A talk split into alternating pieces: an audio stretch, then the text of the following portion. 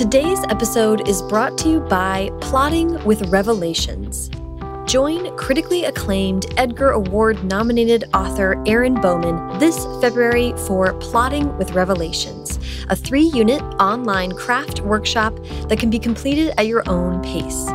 Using essay lessons, examples from modern fiction, video FAQs, and downloadable worksheets, Erin will show you how to utilize revelations, those aha character moments your hero experiences, to reverse engineer their arc and create a roadmap for their emotional journey.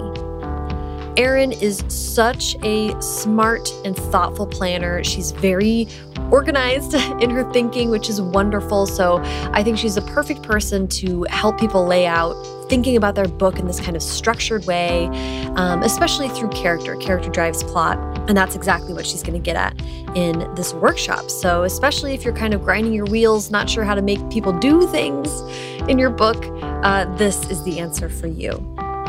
Register for Plotting with Revelations at embowman.com slash workshops by February 7th. The workshop is usually 395, but you can use special coupon code FIRSTDRAFT to save $100. Again, that's embowman.com slash workshops. Use coupon code FIRSTDRAFT, all caps, all one word, to save $100. Welcome to First Draft with me, Sarah Enni. This week I'm talking to Matt De La Peña, author of seven critically acclaimed young adult novels, including Mexican Whiteboy, and Newbery Medal winning author of picture book Last Stop on Market Street. Matt joins me to talk about his newest collaboration with Last Stop's illustrator Christian Robinson, Milo Imagines the World. I so loved this conversation with Matt. I really enjoyed what he had to say about how poetry is like basketball, his theory that young adult literature is all about the acquisition of possibility, his advice on finding an agent who is trying to see your future, and measuring success by being able to buy a burrito whenever he wants.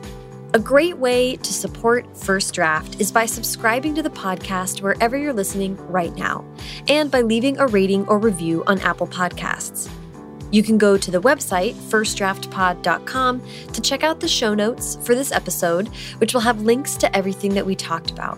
First Draft is an affiliate of bookshop.org. That means when you shop through the links on the website, it helps to support the show and independent bookstores at no additional cost to you. Probably the best way to support First Draft, though, is by subscribing to the newsletter. There's a free monthly newsletter that'll give you a roundup of recent episodes and big time news and stuff like that. But the weekly newsletter, which is available for $5 a month, will give you industry analysis, writing tips, exclusive interviews, and more. I don't do a Patreon or anything like that, so subscribing to the weekly newsletter is the best way to support the show and get a lot of extra cool bonus stuff.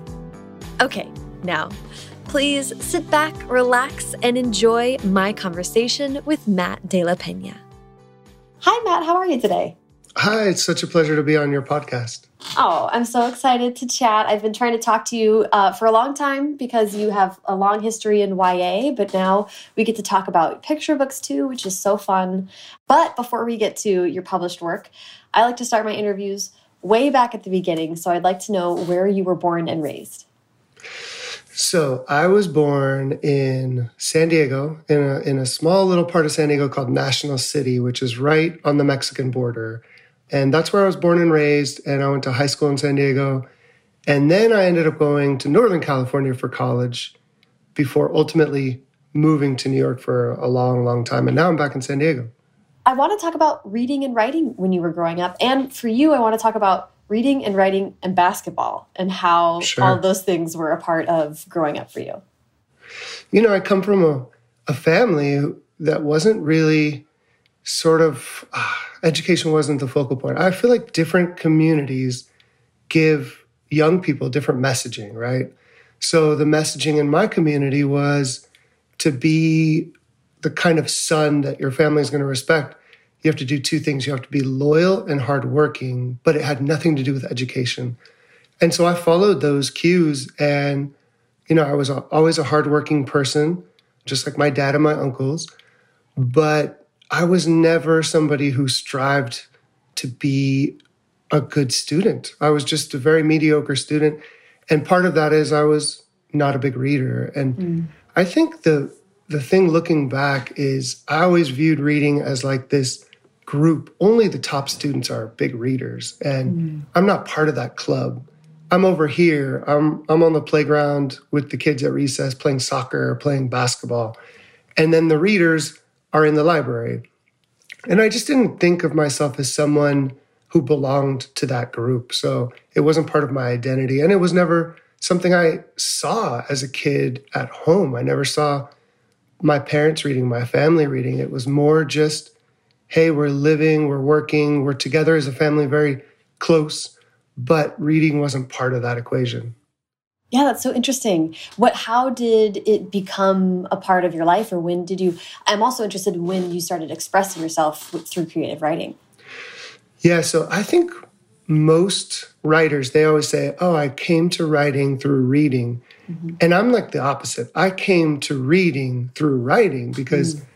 i think when i was in middle school and especially in high school i started to you know do a lot of spoken word poetry but i always called myself a spoken word poet who spoke my poems to no one because i never shared it with anyone it was like my little secret i remember i'd you know come home from whatever I was doing that day.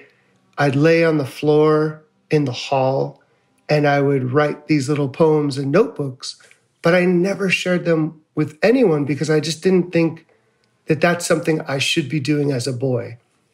So it was kind of a hidden thing. But I got really into it. And the weird thing is, you know, you brought up basketball.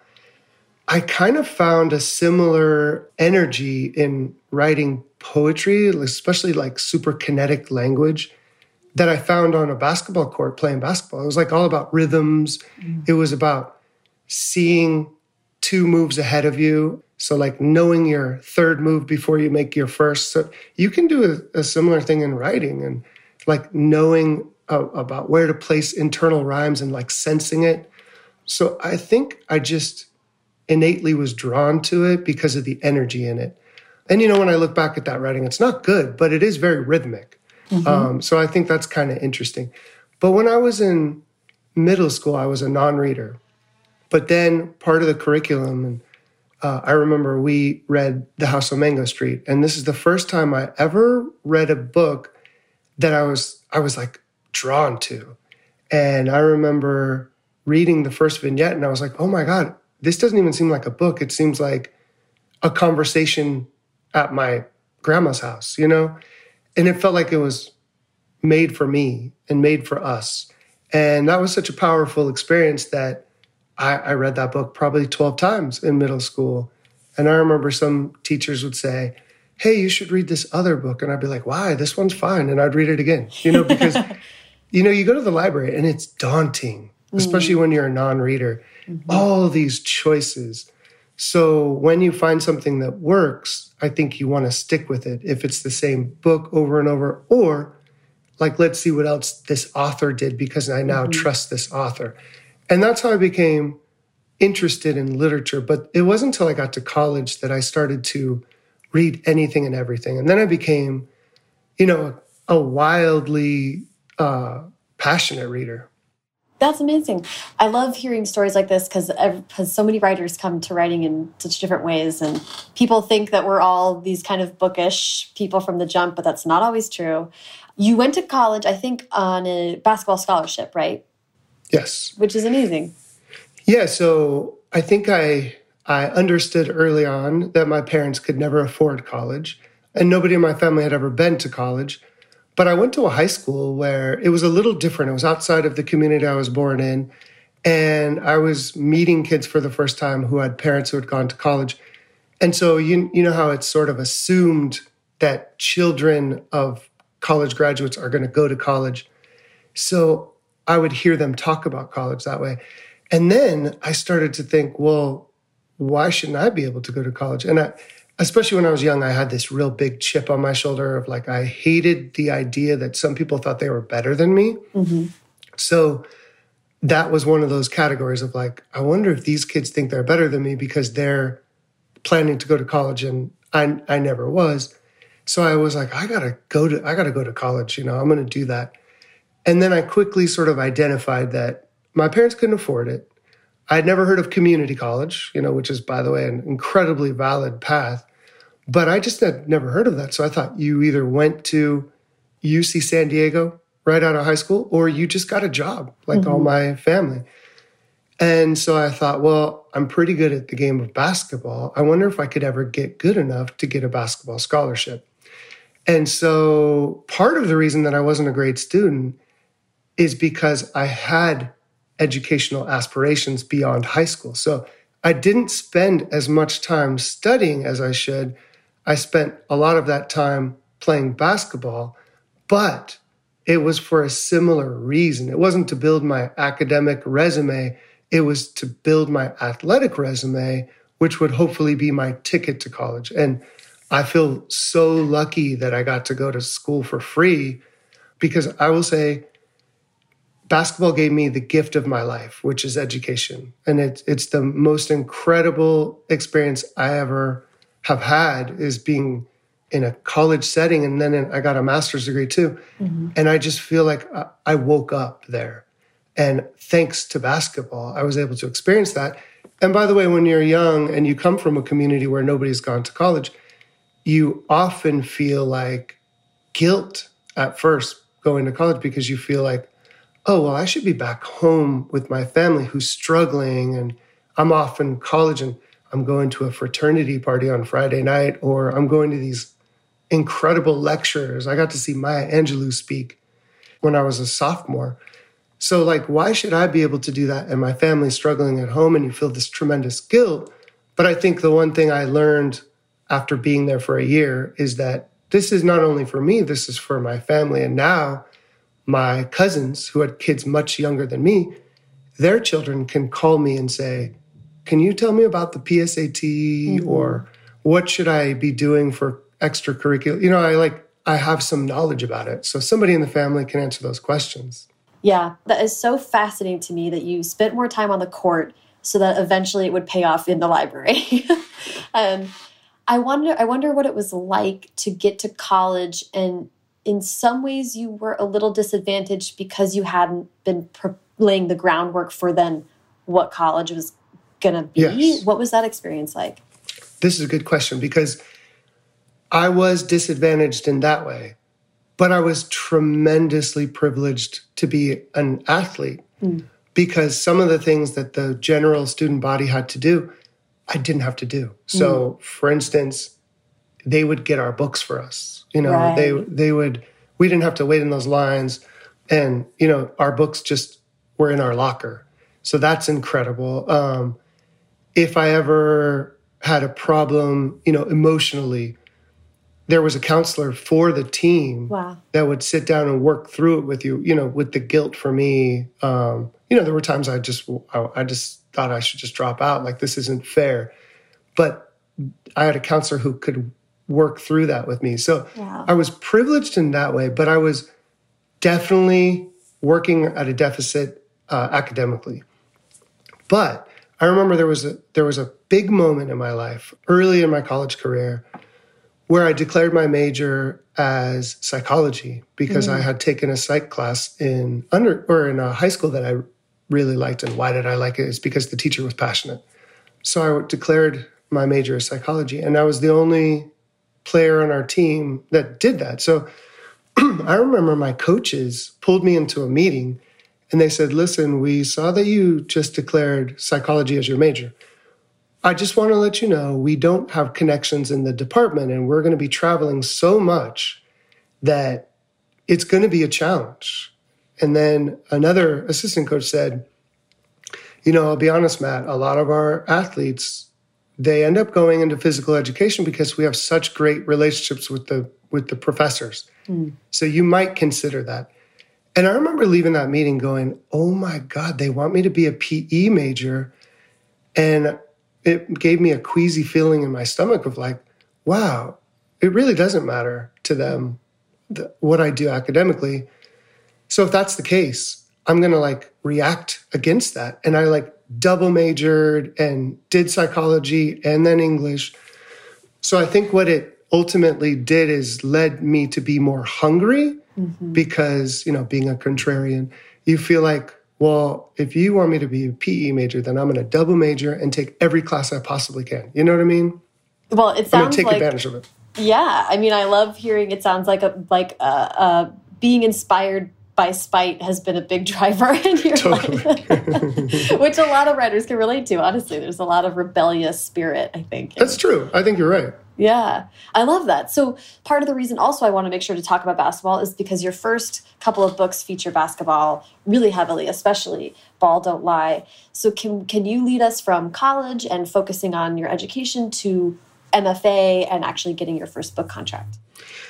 Absolutely. So I remember by the time I was a, a senior in college, I already knew like I well actually I, I should back up. When I was a sophomore, I knew I wasn't good enough to play beyond college. Mm-hmm. Uh, you know, I was playing Division One college, which is pretty high, but I wasn't good enough to play beyond college. So that's actually a really important thing because I was a realist and I was like, okay, mm-hmm. my future isn't going to be in basketball. And by the way, I didn't want it to be because I didn't want basketball to define my life. So mm-hmm. I remember the guys on my team would make fun of me because I actually won this writing contest in undergrad. It was the first time I ever shared my work, and I won this writing contest. And it was like this incredible moment because I had written this long, sort of street poem about my identity, about growing up with a Mexican family.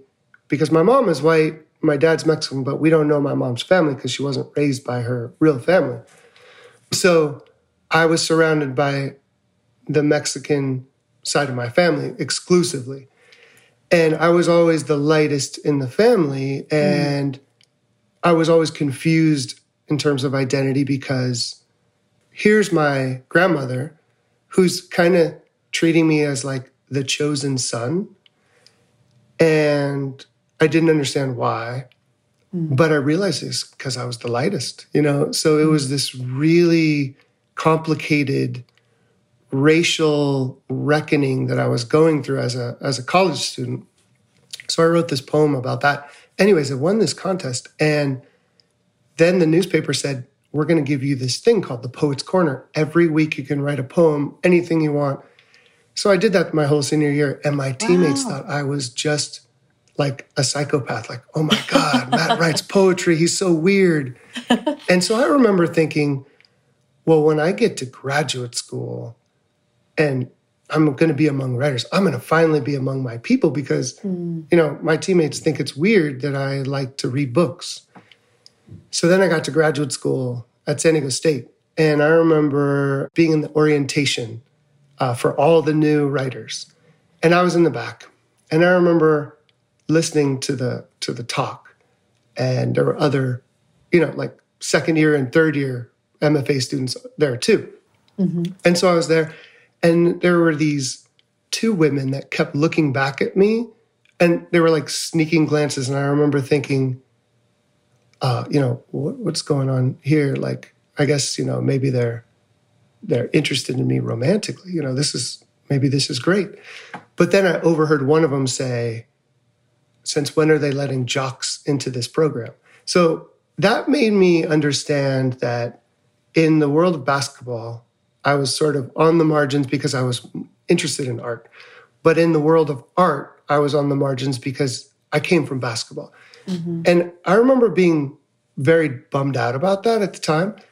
But what I've come to realize is being on the margins is such an incredible place to report from. Like, I think racially, it's helped me sort of understand the dynamics of my own family.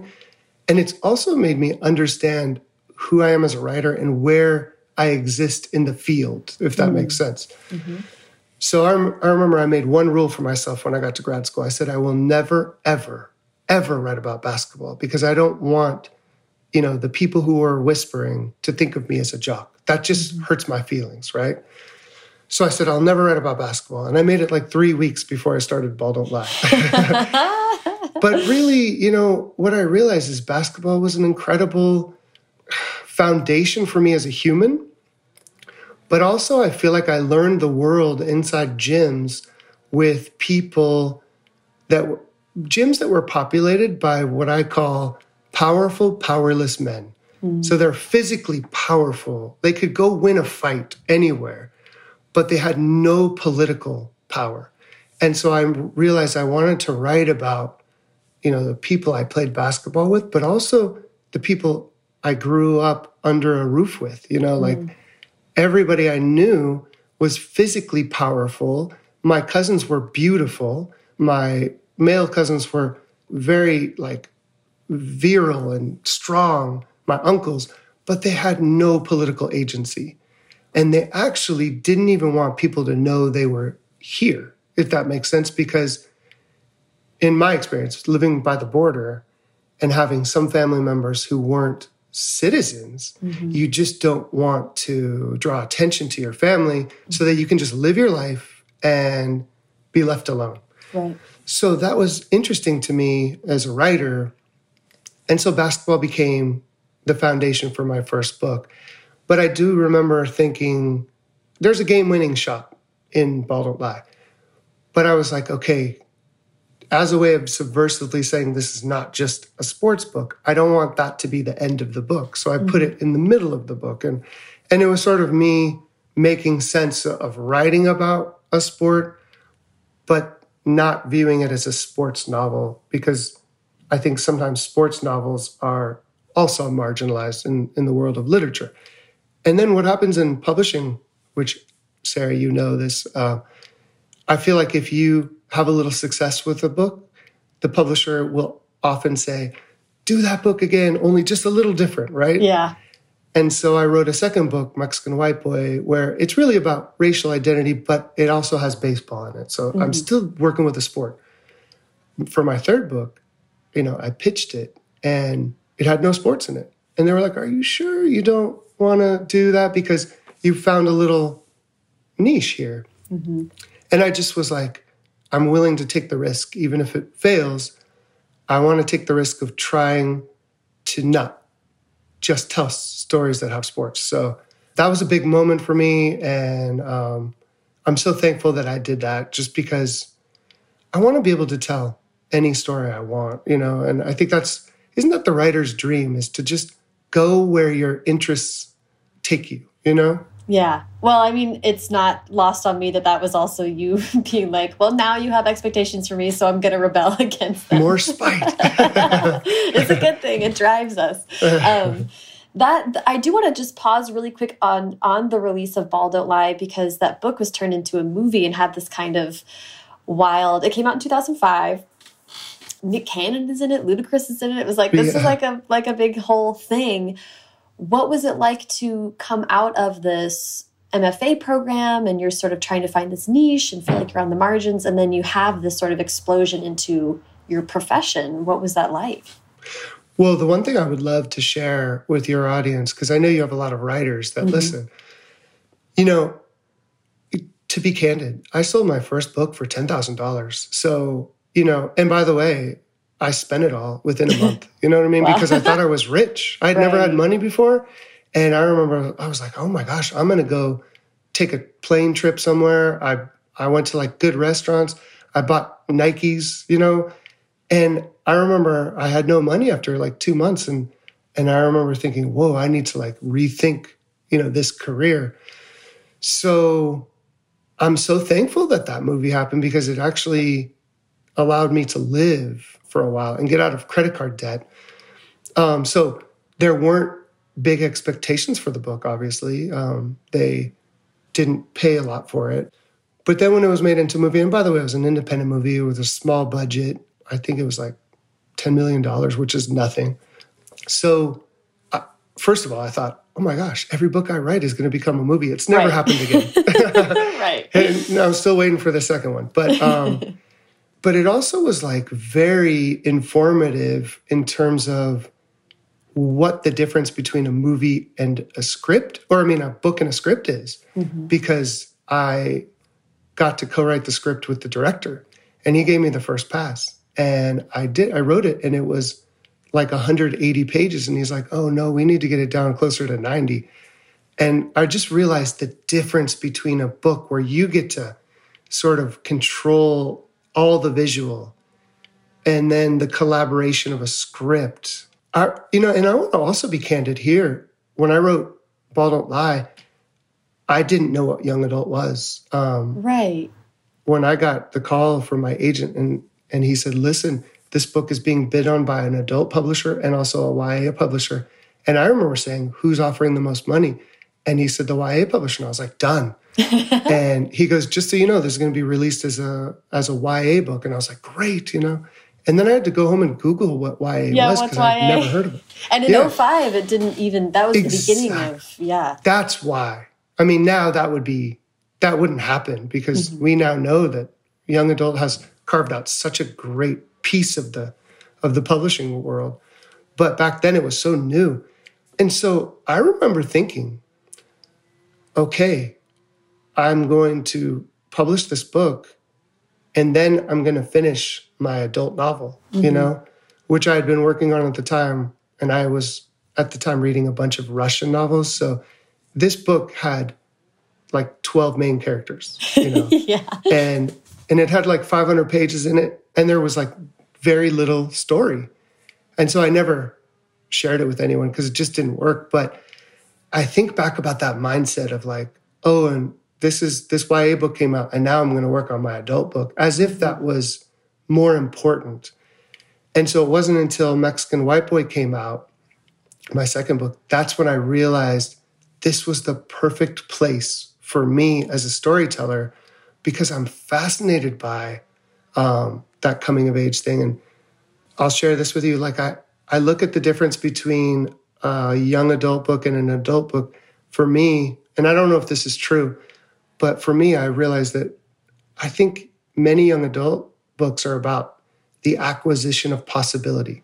So, like, sort of putting your finger on, oh, I could do this, or I could do that. And I remember that was the most important part of my childhood is really realizing, oh, I could go to college like these other kids, or I could study what I want to study. So I love those stories. And I feel like the adult novel is kind of, in a way, about the death of those possibilities because the minute you choose something, you're eliminating all the other possibilities. So when you become an English major, now you can't study biology as much as you would if you were a biology major. If you choose to be somebody who's an advertising executive, well, now you can't be a lawyer unless you go back to school. So, like, I feel like an adult novel is the reckoning of choosing not to do these other things, including who you marry, who your kids are, how you raise your kids. You know, and it obviously there's a rebirth of other possibilities that come after that. But I just love that acquisition of possibility. So that's why I love young adult books so much. Like when I read like Liz Acevedo, um, A.S. King, when I read these books, I'm like, this is like the canon of tomorrow. Some of the some of the books that are being written in the YA field. So it just took me again because it was so new. I didn't know what you could do in young adult, and and it took me three years to realize that this is an incredible place to be. This emerging field, and now we see. I mean, it's. I think it's been realized. You know. Oh yeah, I totally agree, and and I, I it's fun and really inspiring to to yeah see our peers people writing young adult books writing stuff that's like this is going to be taught and these are also kids getting to see themselves and it's such an expansion yeah. of the world. It's like the best. I love that you kind of stumbled into this like perfect spot. I know. I know. I feel so lucky. Yeah i want to talk about um like i said we can't You've you've written many many books. We can't talk about them all here today, sure, unfortunately. Um, but I want to talk about A Nation's Hope because that was your first picture book, and yeah. kind of talking about moving away from this Russian style 500 page yeah. adult to not only your young adult novels, but then kind of even getting back to your poetry roots in the picture book format. Can you talk about what that first picture book writing experience was like? So, so that's exactly what it is. Like a lot of people say, oh, is it hard to go from writing a novel, a 300 page novel, 70,000 word novel, to writing a picture book with 800 words? And to me, it's literally just like going home. I love spoken word poetry. And, um, you know, when I write a picture book, it's just a spoken word poem. And then hopefully I get to team up with a talented artist who makes it a picture book. Mm-hmm. Um, I never thought I would do a picture book. I didn't have kids yet. Mm-hmm. I wasn't married. And I had this agent, Steven Malk, who's a, just a genius. Like he, he has a genius vision for people's careers. And I think for anyone out there who's trying to figure out who's going to be your agent, I think you have to find somebody who's not trying to sell your book for the most money, but who's trying to see your future and lay out the the foundation for a, a career as a writer as as opposed to somebody who wrote a book. And what one thing he did that I thought I think is so smart. I had written three novels, but he took pieces of Ball Don't Lie and he sent it to publishers like little excerpts and said, I think Matt could write a picture book, don't you? And a few of the editors were like, yeah, you know, if he ever has anything, let us know. So that's one piece of it. I had an agent who was putting that little idea in my head, but I was resistant. It wasn't something that I was drawn to because I didn't have children right. and I just didn't have a, a, much experience reading picture books. But I should also say that I'm very, very drawn to diverse creators. My entire career, that's what it is for me. Like, that is where my passion is. So, as a reader, House on Mango Street led to, you know, the color purple, their eyes were watching God. So, like, I was always drawn to diverse creators and that vision of the world, marginalized characters also. And one of my, the artists that I really liked was Kadir Nelson. Even though I wasn't a picture book fan, I loved his work. And so what happened is he had a book under contract that he didn't want to write. And he's also represented by Steve Malk. And Steve said, Hey, listen, if you want to try to write a text for him, you know, a couple people are doing it, try it. And you may end up working with him. And I was like, oh my gosh. First of all, he's from San Diego. He likes basketball. and he's just this incredible artist because I knew his baseball book about the Negro Leagues. Mm-hmm. And so I wrote A Nation's Hope. And, you know, again, it's going to sports. So it was a safe place for me to enter picture books because actually there's a picture behind me. You can see it. Is that it? Oh, that's awesome. Yeah, it's from uh, A Nation's Hope. But so I remember writing a poem and I remember hearing that that Kadir was going to illustrate it and I was so excited. And then when the book came out, I got to meet all these young kids and it was so cool to interact with the younger reader, like, you know, five, six, seven, eight, nine, ten. And I was so moved by these kids and and seeing myself in them. You know what I mean? Like going to these different communities all around the country and meeting young people growing up different from me, but also similar.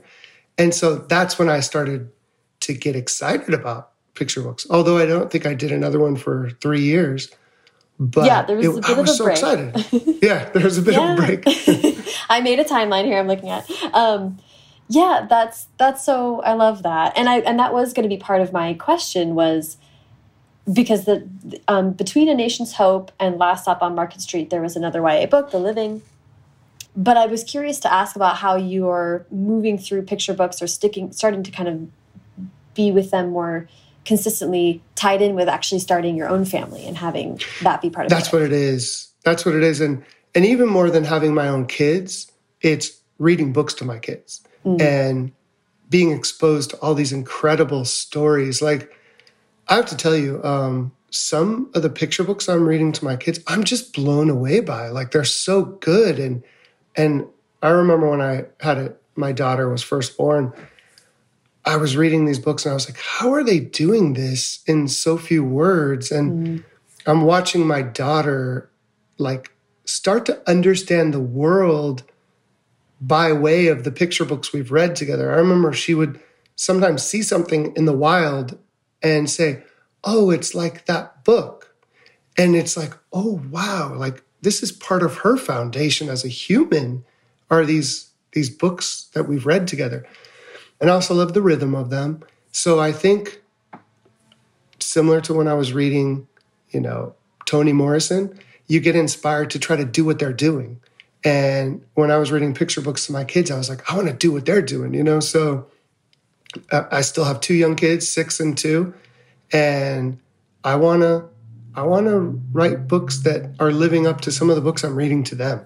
So that's why right now I'm doing both, but of course you can write a picture book a little quicker. yeah. And um, yeah, so I love doing as many different genres as possible, but mm-hmm. right now I really am. I guess my my mind is in the picture book world because I'm a parent of young kids. Before we, I ask specifics about it, do you mind pitching that book for us? Okay, pitching the book. So I think for me, Last Stop on Market Street, I, I think it's often described as a book where a grandmother is taking a, a bus ride through the city with her grandson and trying to show him how to see beauty in the world. Well, for me, it's similar to that, but it's there. I would I would tweak it a little bit and say, for me, it's a grandmother taking her grandson on a trip through a city by bus, and she's trying to teach her grandson how to see himself as beautiful by using his city. And so I think sometimes when you grow up in a poor community, it's considered ugly or disadvantaged or there's trash or nobody's caring about their yards. And I, I feel like my my opinion is that if you want to see that, your vision is true because it's there. But if you also if you instead you choose to see the beautiful parts of that kind of neighborhood, you're also correct because they're there too. So I think we all have a choice of how we see the world. And I think the grandmother in Last Stop is trying to help her grandson change the way he's seeing what's around him and also himself. Yeah, it, that's really. I mean, I love, I love that, and I want to hear from you. What made you want to tell this story? What was the genesis for for this story? Two things. The first one is I'd been trying to work on a YA with this idea of like how you see the world because I'm fascinated by that. I'm also fascinated with this concept of freedom. You know, we live in a free country, but we're not all free in the same way. And that's like a through line in all my books. It's sort of like, what does the American dream mean to one person compared to another? You know, it's they're they're different sets of reality. So that's like something I'm always interested in, and this concept of freedom. And it's partly because I have a dad who is very he was very pissed off about, you know, the world when I was a kid. Uh, mm-hmm. He just saw the injustice. And so I think I, I watched him watch the world. And this is what all our kids do is you watch your parents watch the world and you sort of take cues. Mm-hmm. Um, and so he didn't believe in the American dream and stuff like that. Therefore, I was made aware of that as a young kid. And one of the things he did to me as a young, uh, when I was young, and I didn't get it at the time, but I sort of understand it now. It sounds harsh, but I think it's it makes sense. Um, he would always say, "You don't mean anything in this world. You mean nothing. You're zero. You are a zero. Everybody sees you as a zero." And so when I was young, I remember thinking, "God, that's so harsh. Like, I think I mean something." But what his point was is it's not until you understand that coming from National City, being by the border, having parents that were teen parents and are working so hard, it's not until you understand that that you can be somebody, mm. uh, that you can start to build yourself into somebody. So that's what he meant. And I, I honestly think that's the way I parent my characters. Mm. I want to teach them about how they're seen by America so that they can work around it. You know what I mean? Mm-hmm. So, so that's what I was kind of exploring in this YA book. And then my agent sent me a picture from an art, a young artist blog, Christian Robinson. And it was a little boy on the bus with his grandmother. And I remember thinking, oh my gosh, this is so cool. I love his art style. So I actually took the, this idea that I was working with. I said, I wonder if I could make a picture book about it. And then I thought of my grandmother, who was our matriarch, my Mexican grandmother, who's kind of the star of Mexican Whiteboy in my eyes.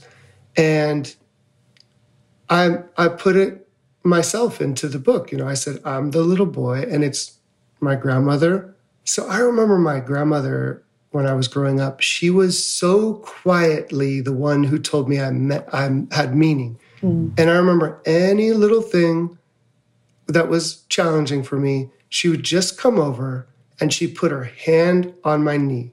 And what that said in her nonverbal language was, You're okay, or I see you, or you'll you'll get through this. Mm. And I love the way she did that. So that became the focus of, of Last Stop on Market Street. I wanted the grandmother to put his hand on her grandson's knee. And I wanted it to say, You're not seeing it right. It's mm. okay, but you're not seeing it right. But then I met Christian's grandmother when I was sort of working through the book, and she blew me away.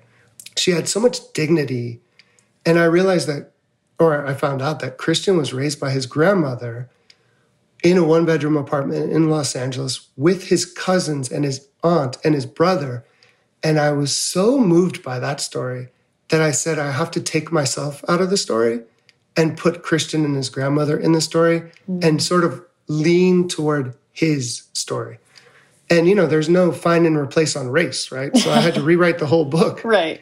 And I just, I started to hear the grandmother different. She wasn't just somebody who would put her hand on her grandson's knee. She would redirect the way he was seeing things like, mm-hmm. yeah, we don't have a car to, to drive in, but we got this bus with this poster with them. You know, there's a fire breathing dragon, and the bus driver always does these little tricks with you. So redirecting to the seeing the beautiful parts of his world. And so it's interesting how the book evolved when I met Christian's grandmother. Yeah, that's incredible. And that, that does tie right into, so it, it kind of sounds like you wrote the original text thinking of Christian for the art already. Yeah, um, how did it definitely. evolve? How did you meet him? Does, is Steven also his agent? How did this all kind he of come is. about? Steve is his agent, and and he was just signing him when he sent me that picture from the blog. So, um, you know, Steve is incredible. I mean, Amanda Gorman is his client too, and he he discovered her a long time ago. I mean, not that she had already uh, Yeah, he's got a lot of amazing people. he does. He does. Yeah. So Christian, when we worked on Last Stop, we didn't know each other that well. We had met and we communicated traditionally through the publisher, mm-hmm. but occasionally through Steve, our agent, or even sometimes directly. But it was it was every artist uh, the relationship is different. Mm-hmm. Some artists want a lot of communication. Some artists take the text into the basement and reemerge months later with the art. Christian is more of the latter. Mm. And I think one of the things you have to do to be a good writer of picture book texts is to 100% respect the visual story.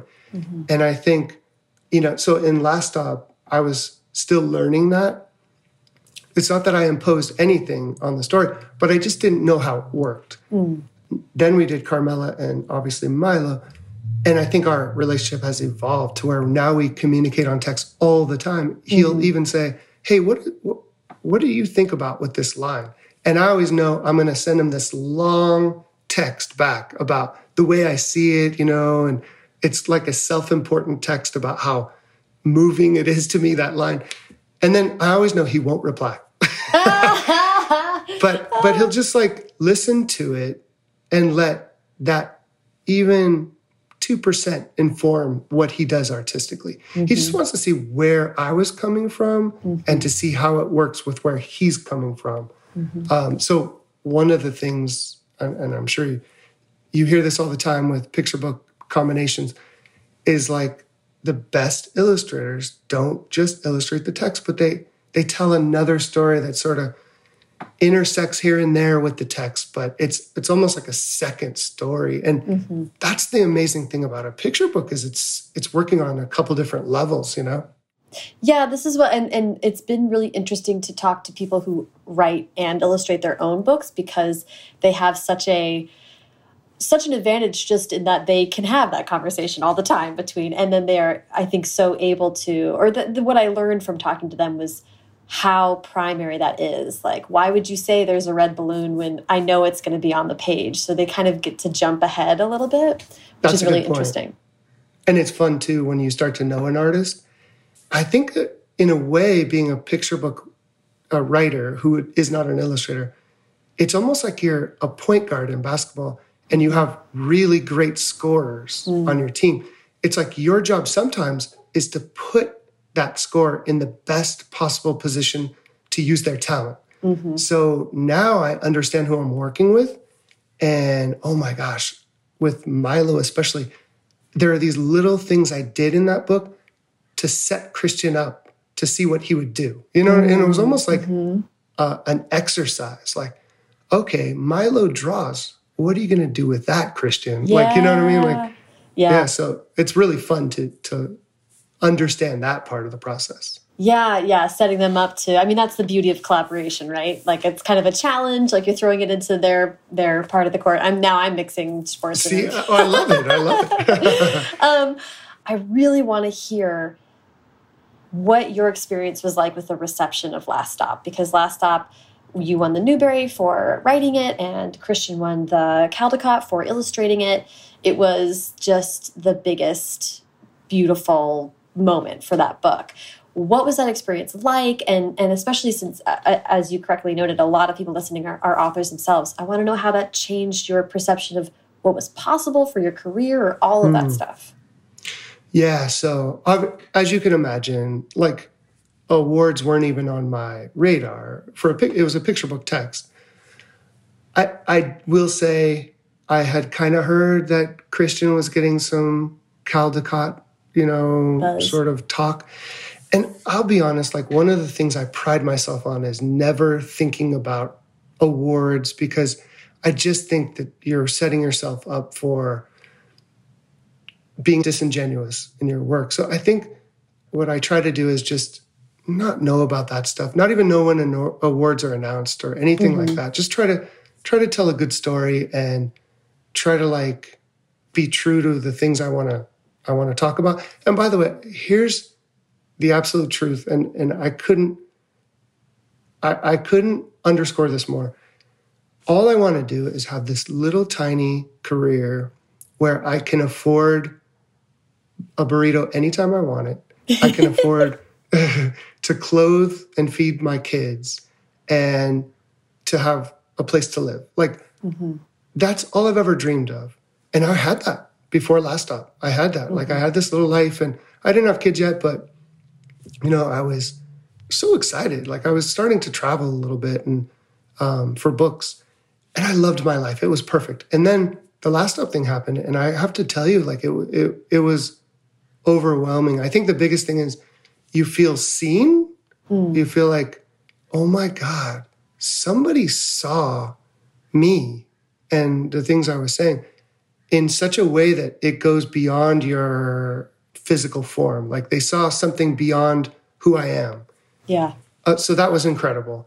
It was almost like they saw my grandmother putting her hand on my knee without that being in the book. Does that make sense? Mm-hmm. Like mm-hmm. that's how much you feel seen. But it was also, it's like a, an incredible blessing and it's also an incredible curse. So the curse of it is, so first of all, the one, the part that's internal is I remember the lowest point of my career as a writer was when I was sitting down to to work on a picture book after Last Stop. Right. And I remember writing a line and thinking, is this a Newbery worthy picture book line? Ugh. And I, I felt so sick to my stomach because I never want to be somebody like that. So that was the hard part. But also you start you start to be sort of lo- like held up as like an important writer. Mm-hmm. And that's also very uncomfortable and challenging in its own way. so yeah, that was a wild experience. I'm so thankful for it because I think it led directly to Milo. I would never try to write Milo if it wasn't for success on a book that allowed me to think a publisher is going to take a risk on any story I want to tell. So that's probably mm. the greatest privilege of Last Stop is I believed that from that point forward I could take risks and literally tell the stories I wanted to tell, you know? Yeah, I, I was uh, able to speak with Carson Ellis recently, and she she said the same thing when she won the Caldecott. She was like, "Now I can tell weird stories, and I get totally. some benefit of the doubt," which is a wonderful freedom. But as you say, and I, and I really appreciate you speaking to it because that's why I ask these questions. Is like as writers, we know that a success also comes with so much of our career is, is a head game and managing a lot yes. of internal relation to self and that can really it brings a third party into the mix that is a um, it does off kilter let's talk about milo. Let's jump into that. First let's i'll have you pitch the book and then we'll talk about how it came about. But let's pitch okay, milo sure. for us please. So pitch milo. Writers are the worst at book talks but um, okay. And i'm still new to milo but um, i think milo imagines the world is about it's about sort of exploring something that we all do, which is we look around and we see people and we we define them based on a single trait, right? We know as writers that you can't do that with your characters. If that makes a flimsy character that's not going to be rich and real. But we all do that in real life. So we make these snap judgments like we see we see a woman on the phone pushing a crying baby in a stroller. and We're like, she's a bad mom because, you know, she should be paying attention to her her child. What we don't know is that she's coming back from the doctor and talking to her husband about the diagnosis that you know what I'm saying? Mm-hmm. There's so much more to every human we meet than what we first see. So the book is really about that. Milo is on the subway because we always use public transportation, Christian and I. We like to do that. Um, he's on the subway going to visit his mother. We don't know where she is, but he's looking at all the people around him on the train and he's he's kind of imagining what their life would be and he's an artist so he draws it and so textually we see a vision of what he imagines and then visually we see his drawing and then when we finally find out that he's going to see his incarcerated mother on visiting day. Well, one of the characters that he had imag- imagined living in a mansion because he's he's Caucasian, you know, he's white and he's well, well put together. He's going to visit his mom too, and it he has this epiphany. Maybe I misunderstood all the drawings I did, not just this boy. So he tries to reimagine them, um, and he tries to think, you know, completely the opposite of what he had imagined. And then it culminates with him reimagining his family circumstances with a visual of the picture that he made for his mom with him, his sister, and his mom having a simple moment on the stoop outside of their brownstone in Brooklyn eating ice cream. And so the book is called Milo Imagines the, Wor- the World, but it's really Milo reimagining the world. And it's it's kind of challenging young people to sort of think beyond a lazy stereotype. I'm so fascinated that Last Stop was rewritten with an eye to reflecting Christian story because, yes. in many ways, Milo is also reflecting Christian story. Can you talk yes. about the origin for that? Absolutely. So, I would say Milo is, it began with Christian story. This wasn't me inserting myself and then rethinking it. This began as Christian story. So what happened with Milo is it, it, it sort of was inspired by Christian and his grandmother, and then I took an idea that I had, right? And then we did Carmela Full of Wishes, which is kind of about my background and, mm-hmm. and migrant communities and the Mexican American culture.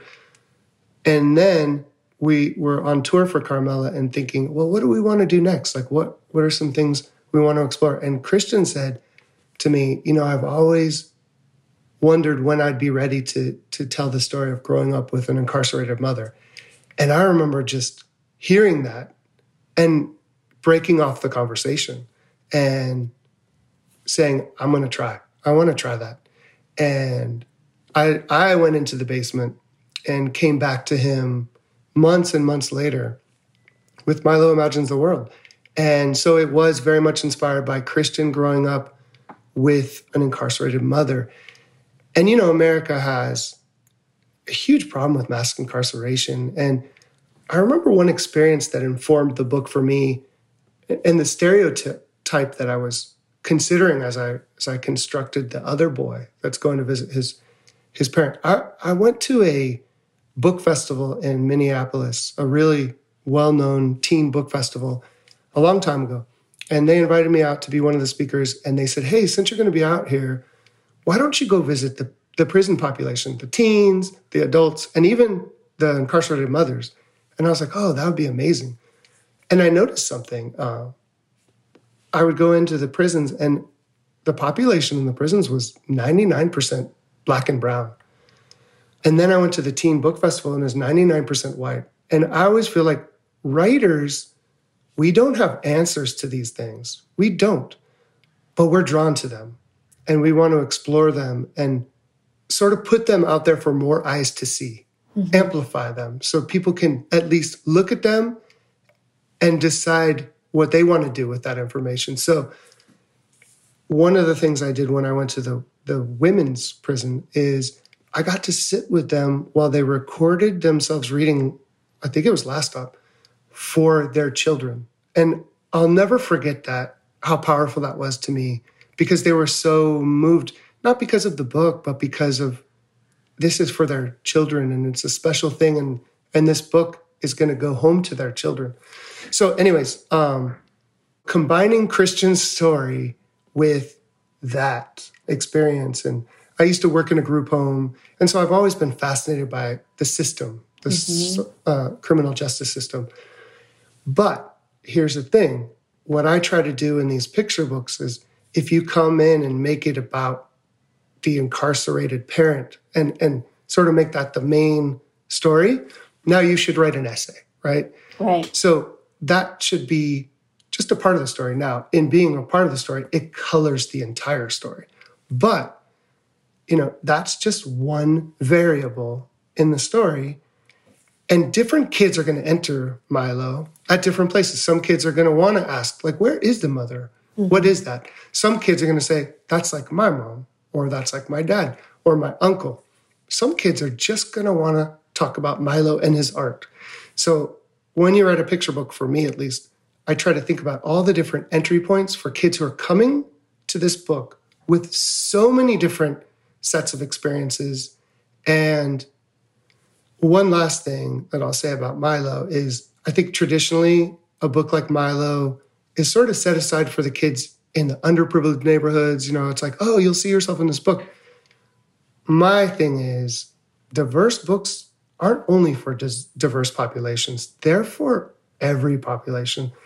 What an opportunity for a kid growing up in the suburbs who knows nobody who's incarcerated to at least encounter that in a book and then ha- have an opportunity have, to have empathy for for somebody who's in that position you know yeah absolutely and and i think part of the magic of representing stories like this in a picture book is with this art, which is like, I don't care who you are or how old you are or whatever your life experience has been. I, I don't think you could look at a Christian Robinson drawing of any kind and not just be drawn to it and want to engage with it and, and pick up that book and read it. So it's I so the perfect agree. the perfect kind of vessel for this. Yeah, he's what he does. Here's his brilliance in terms of our relationship. He has brilliance, obviously, well beyond anything I've done with him, but he takes my text, which can be slightly heavy, and then he totally undercuts it with whimsy and joy. And that's what makes it a picture book. If it was just the text, I don't think it could be a successful picture book. But with his art, it's like it covers up some of the rough edges of the text. He's just, that's like a, a genius that he has, you know? It's so, it's wonderful. Yeah, it's such a great combination.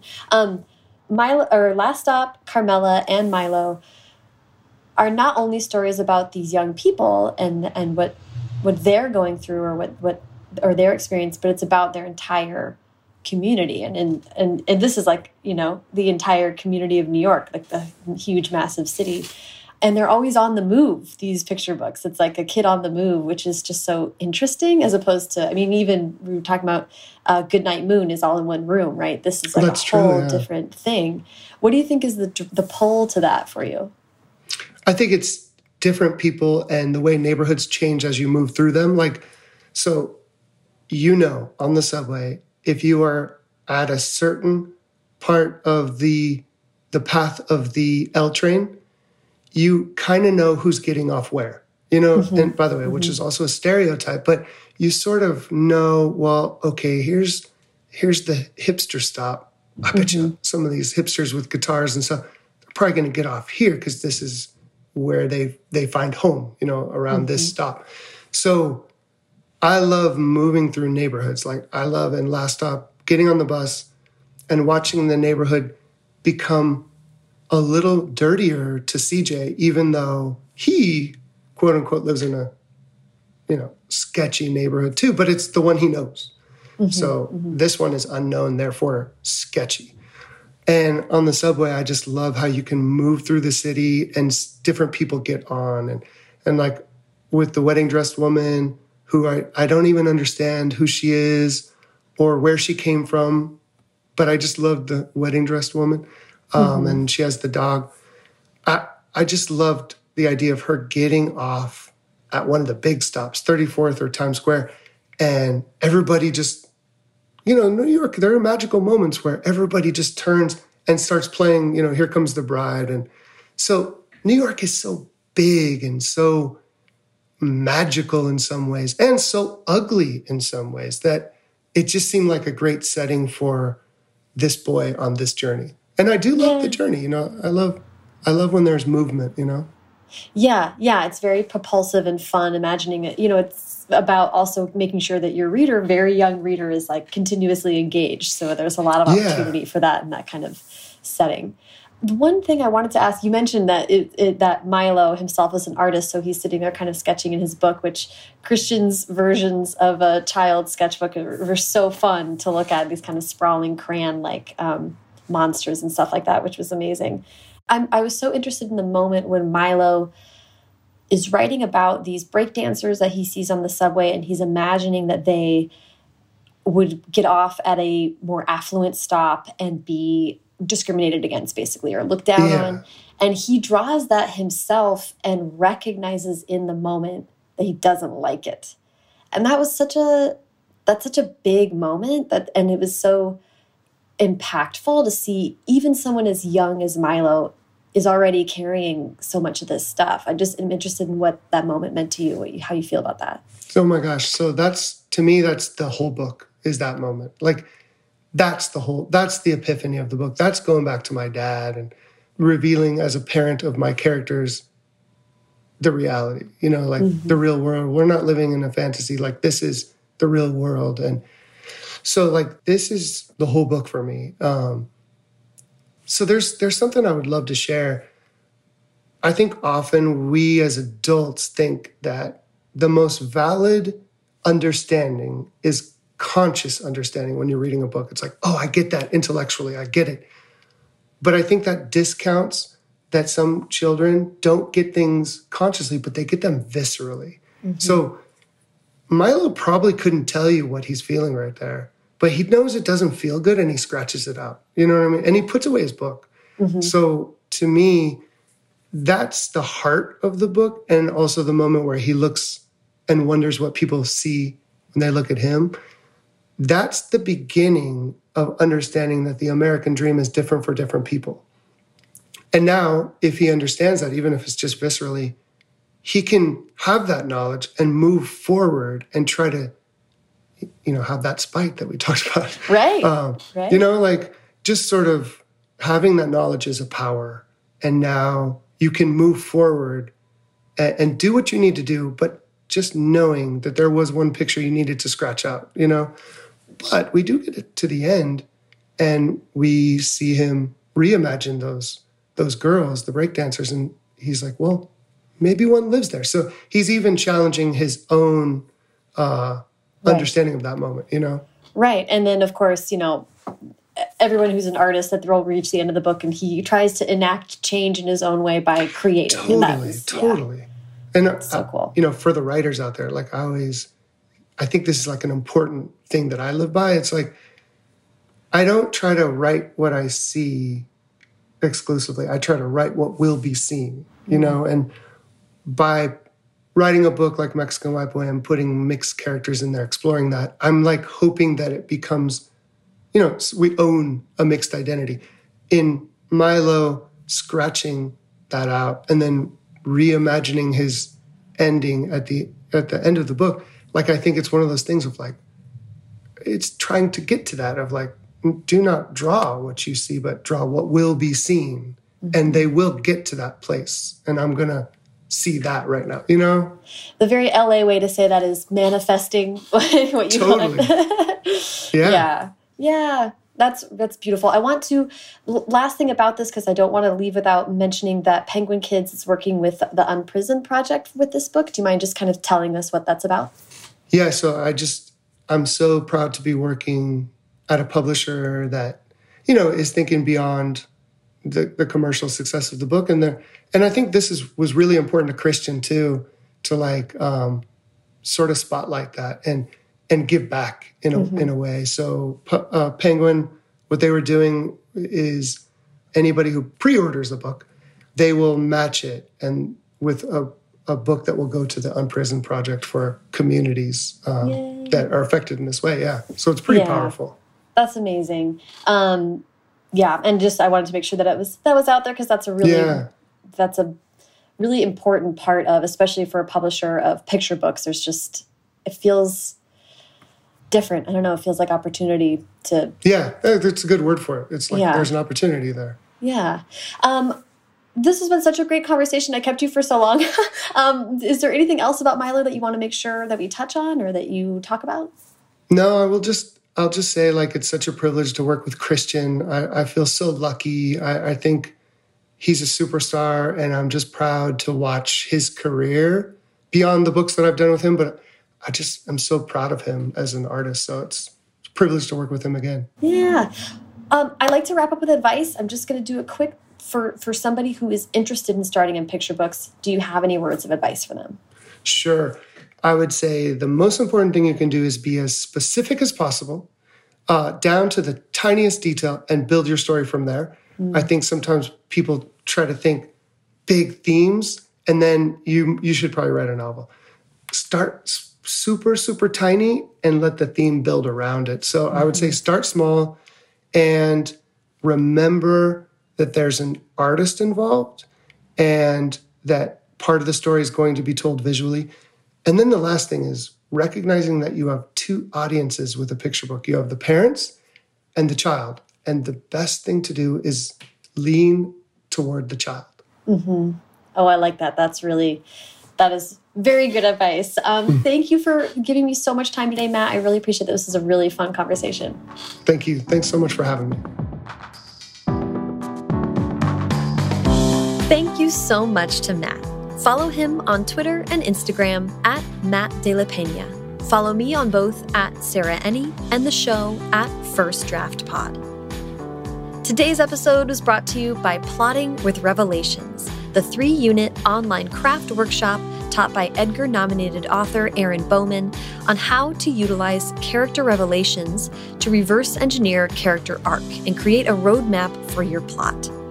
Register for the class at embowman.com slash workshops by February 7th and use special code FIRSTDRAFT to save $100 off the price of the class.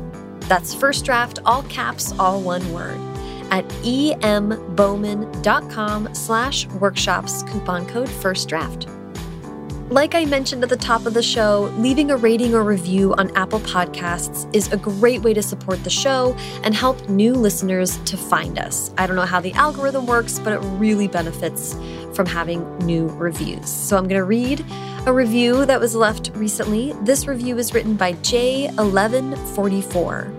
J1144 says, this show has been my favorite writing podcast for years. I know, I know, I should have left a review sooner. It's such an entertaining, immersive listen, and I learn so much every time. Sarah Enni is enthusiastic, intelligent, charming, and a truly incredible interviewer.